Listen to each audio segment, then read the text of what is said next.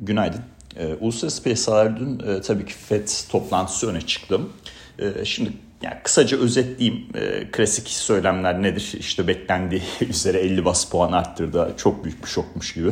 Yani e, herhalde 50 bas puan arttırmayacağını e, bilmeyen yoktur diye e, düşünüyorum. E, politika faizi 0.75 ile e, %1 e, arasına çıkmış oldu. Bilanço azalımına e, normalde biliyorsunuz aylık e, sınır olarak e, daha önceden 95 e, milyar dolar e, bunun 30, 60 milyarı e, hazine işte e, 35 milyarı e, varlığa şey konut piyasasına dayalı e, bir şekilde e, yapacağını söylemişti. 1 Haziran itibaren e, işte bunun yarısından e, başlayarak 30 e, milyar e, hazine tahvili e, işte 17,5 milyar varlığa dayalı işte konut daha doğrusu konuta dayalı tahvil şeklinde mortgage backed securities özünde yani Türkçe'ye çevireceğim diye kendimi 4 tane takla atıyorum. Mortgage backed securities 17,5 milyar dolarlık ve 30 milyar dolarlık da hazine tahvili bilançodan vadesi gelenlerden çıkacak. Bu e, mortgage backed securities tarafı 3 ay sonra daha çok konuşma e, noktası olacak. Onu şimdilik bir köşede bırakıyorum. Bu toplantıya geçiyorum. E, tek sayfalık özete baktığımızda her ne kadar birinci çeyrekte e, işte ABD ekonomisi gerilemiş gibi gözükse de detaylara baktığımızda sabit yatırımlar e, işte e, şirketlerin e, makine teçhizat gibi veya ARGE üzerine yaptığı yatırımlar gibi düşünün ya da işte taş, toprak, konut vesaire bunları içine alan grup iyi bir şekilde devam ediyor. Tüketim tarafı özellikle işte ABD vatandaşlarının öyle özetleyeyim iyi bir şekilde devam ediyor. Oldukça sağlıklı. İş gücü piyasası zaten inanılmaz iyi şu noktada. Bu inanılmaz iyinin altındaki sebep sadece Powell dedi o yüzden ben size aktörüm diye bir şey değil. Bu hafta açıklanan e, işte açık pozisyonlarla e, şu anda ABD'de nasıl mesela şu anda iş arıyorsunuz girdiniz kariyer.net'e değil mi veya işte girdiniz LinkedIn'a girdiniz başka bir platform vesaire. ABD'de açık iş pozisyonları toplamda işsizlerin yaklaşık iki katı. Yani bu şu demek e, her bir işsiz için ABD'de iki tane iş var şu anda. O gitmek istemiyor oraya o ayrı bir şey ama var mı var. E, bu da tabii e, inanılmaz derecede sağlıklı bir iş gücü piyasasını gösteriyor. Bu şekilde bu üç ana faktörden ötürü ABD ekonomisiyle ilgili aslında çok olumlu bir tablo çiziyorlar. Peki neyle ilgili olumsuz bir tablo e, çiziyor e, FED? E, global gelişmelerle ilgili olumsuz bir tablo çiziyor. Yani savaşla ilgili daha çok vurgu yapıyor. Çin'in kapanmaları ile ilgili daha çok vurgu yapıyor. İkinci kısım Çin kapanmaları yavaş yavaş açılacak arkadaşlar. Yani o Çin hükümeti işte zaten son iki haftadır bu e, Covid vakaları ve sıfır Covid politikası nedeniyle aslında ekonominin zarar gördüğünü net bir şekilde anlamış durumda. Bununla ilgili olarak nasıl ekonomiyi canlandırabiliriz e, noktasında olumlu bir tartışma sürecinde. Bir noktada o yüzden bunun etkisi geçecek. Yani dolayısıyla tedarik zincirleri üzerinde 2022'nin e, geri kalanında Çin kapanışları vesaire bunları çok konuşacağımızı ben zannetmiyorum. E, ilk taraf ama e, savaş tarafı maalesef kimsenin bilemeyeceği ve yorum yapması spekülasyonun üzerine geçemeyeceği bir durum. Yani savaş tarafını maalesef bilmiyoruz. Nasıl gelişeceğini bilmiyoruz. Dolayısıyla global gelişmelerin negatif etkisinden bahsediyor. Peki e, basın toplantısına geçtiğimizde ne oldu? E, birincisi işte bütün finansal bas, e, basının konuştuğu şey şu 75 bas puan yapmayacak endekslere o yüzden dehşet bir alım geldi. Evet bu kolay bir söylenip doğru dedi bunu. 75 bas puan artış olasılıkları e, işte Haziran toplantısında düştüğünden ötürü de otomatikman olarak e, tabii bu iyi bir e, risk on sebebi olarak gösterildi ama orada daha önemli bir durum var. Yani ne diyor özünde Powell? Diyor ki ne yapmaya çalışıyor Powell? Kontrol edemediği iki tane grup var değil mi? Enflasyon tarafında. Bir enerji, iki gıda. Bu ikisini kontrol edemiyor günün sonunda. Peki kontrol edebildiği tarafı çekirdek enflasyonu nasıl kontrol edebiliyor? İstihdam piyasasının aşırı derecede ısınmaya devam edip maaş başlı enflasyon yaratmasını frenlerse günün sonunda orayı bir miktar kontrol edebilir ve bunu yapmaya çalışıyor ve bunu yapmaya çalışırken e, piyasada işte neredeyse herkesin konuştuğu ABD ekonomisi resesyona girecek, resesyona sokmadan bunu yapabileceğini düşünüyor. Bu şimdi çok önemli bir şey. Neden önemli bir şey? Ee, bunu yapabilmenin yolu e, politika faizini hızlı bir şekilde natural oranın, natural oran ne demek? Bir ekonominin e, istenen enflasyonu, e, çekirdek enflasyonu olarak bahsediyorum, e, iş gücü ve ekonomiyi bozmayacak şekilde steady state'de götürebilmesi. Steady state ne demek? Ne böyle çok enflasyonu çıkartacak bir şey ne de enflasyonu düşürecek bir şey. Ama iş gücünü, iş gücü piyasasını ve ekonomiyi bozmayacağınız bir oran. Şimdi bunun 2.40 olduğu düşünülüyor. Daha doğrusu tahmin ediliyor. Fed üyeleri tarafından Mart ayı toplantısında 2.40 olarak tahmin edildi. Ama basın toplantısında ne dedi Powell? Dedi ki biz bunun aralığının 2 ile 3 arasında olmasını bekliyoruz. Şimdi bu ya öyle bir oran ki yani gerçekten tahmin edebilmeniz çok zor. Yani bu işte e, bir miktarda belki e, bazı şeyler gerçekleştikten sonra görebileceğiniz bir nokta. Yani ta, ileriye dönük tahminin çok zor olacağı bir şey bu. Ya buradan işte 3-4 sene sonrasını görmeye çalışıyorsunuz. Yaşadığımız dünyada bu maalesef çok gerçekçi değil. Ee, eğer %2'lik ve %3'lük bir banttaysa mevcutta da piyasa %3'e yakın bir 2022 sonunda politika faizi fiyatlıyorsa aslında natürel oranın oldukça üzerine çıkmış bir fiyatlama yapılmış demektir bu. Peki bu ne demek?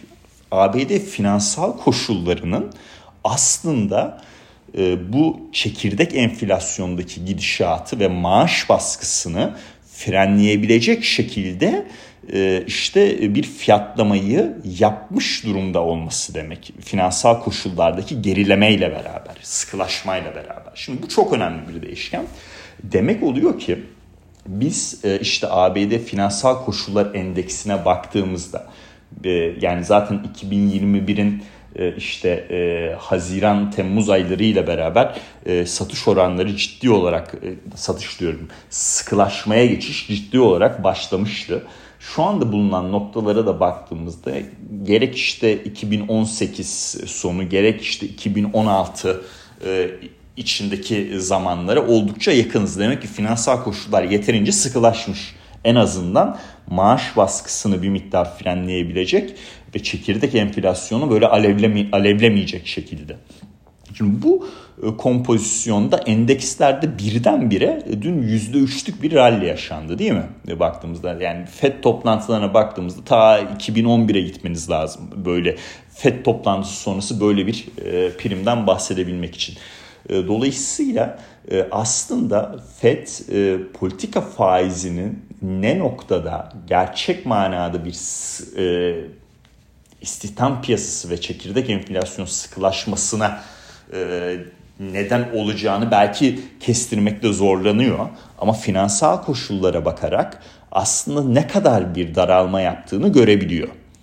Bu güzel bir e, nokta. Demek oluyor ki e, finansal koşullar e, işte sıfırın altında kalmaya devam ettiği sürece e, bir noktada endekslere alımlar gelmeye devam edecek. Şimdi S&P 500'de e, işte cuma günü %3.6'lık bir satışı olmuştu. Pazartesi, salı, çarşamba ile beraber bunun üzerine çıktık. Bugüne geldiğimizde de bugüne geldiğimizde de e, gene e, hafif primler e, yani yatay diyebileceğimiz noktada devam ediyor vadeli piyasada. Bunun çok bozulmasını da beklemiyorum yani kısa vadede alımların devam etmesini bekliyorum. Ya Twitter aleminde vesaire başka alemlerde çok paylaşılıyor ama ya bu ISM verileri e, yani gerçekten arkadaşlar kötü değil yani onu söyleyebilirim. Beklentiden bir verinin altında gelmesi farklı bir şey.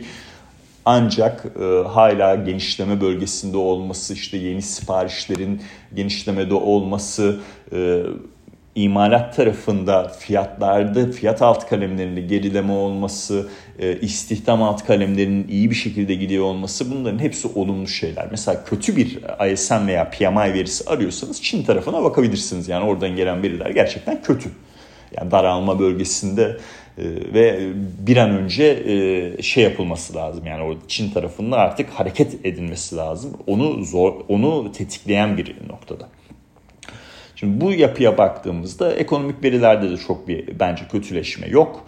E, dolayısıyla ne noktaya gider e, sorusu tabii e, cevaplaması gene zor.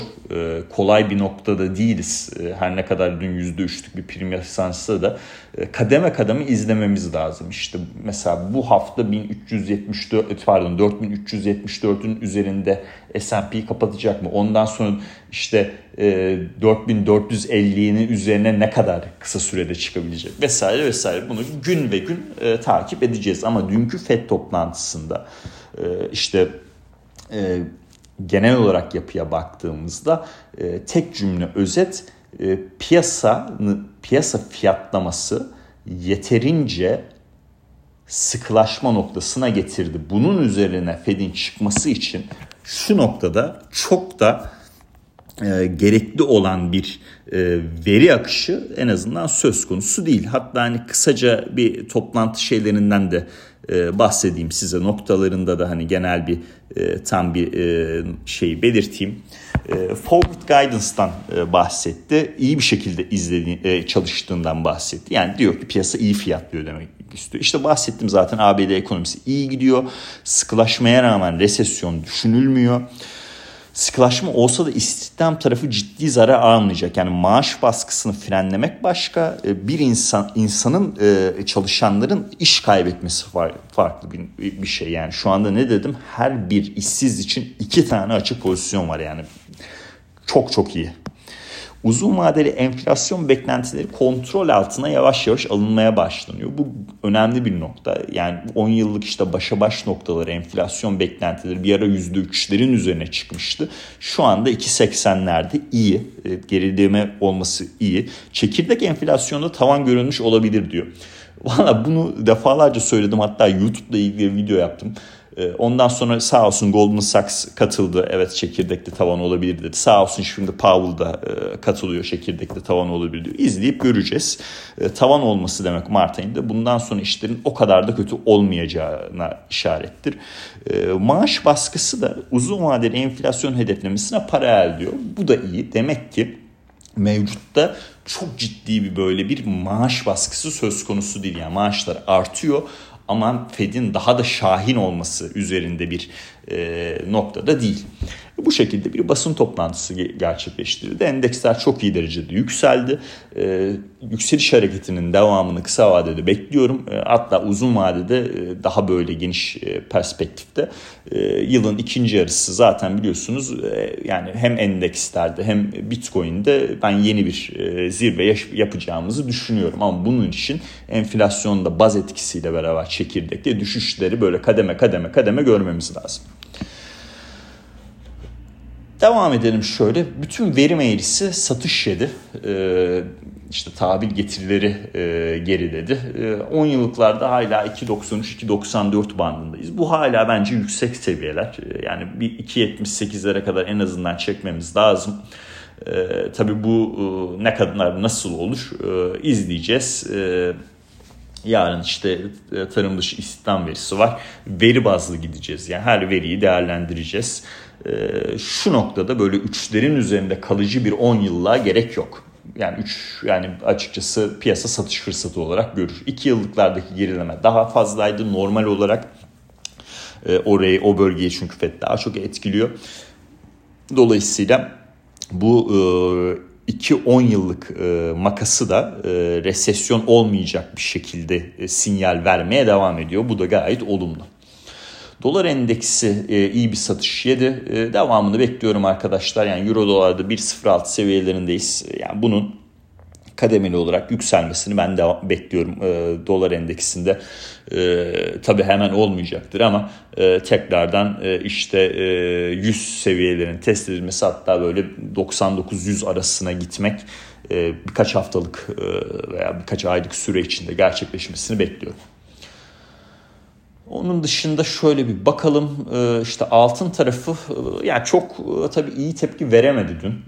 Çok fazla yükselemedim. Bunun nedenini tabii sorabilirsiniz ama yani anlat anlatın dilimde tüy bitti. Ee, şimdi endeksler ve şirketler tarafında reel getiriler yükselse de e, izleyebileceğiniz ve bu reel getirinin üzerinde belki size bir e, gelir yaratabilecek bir ciro ve kar e, tarafı var. Ama altın tarafında böyle bir şey yok.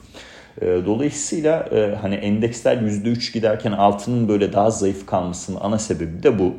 Ee, yani 1891 1890'ın üzerinde kaldığımız süre boyunca 1925 denemesi yapabilir. Ee, yapamaz diyemem. Ee, ama e, ben açıkçası e, yani reel getirilerindeki e, mevcut seviye ve yükselişe baktığımda altının oldukça az tepi göstermesinden dolayı 1830-35 hatta 1850-1830 arasına doğru e, bir geri çekilme e, açıkçası bekliyorum. Bu tarafta hemen bir günde olmayacaktır tabii ama geleceğini düşünüyorum. Çok konuşacağımız şey var aslında ama hepsine girmeyeceğim. Bugüne geçmeden önce birkaç yani şirket tarafından bahsetmek istiyorum.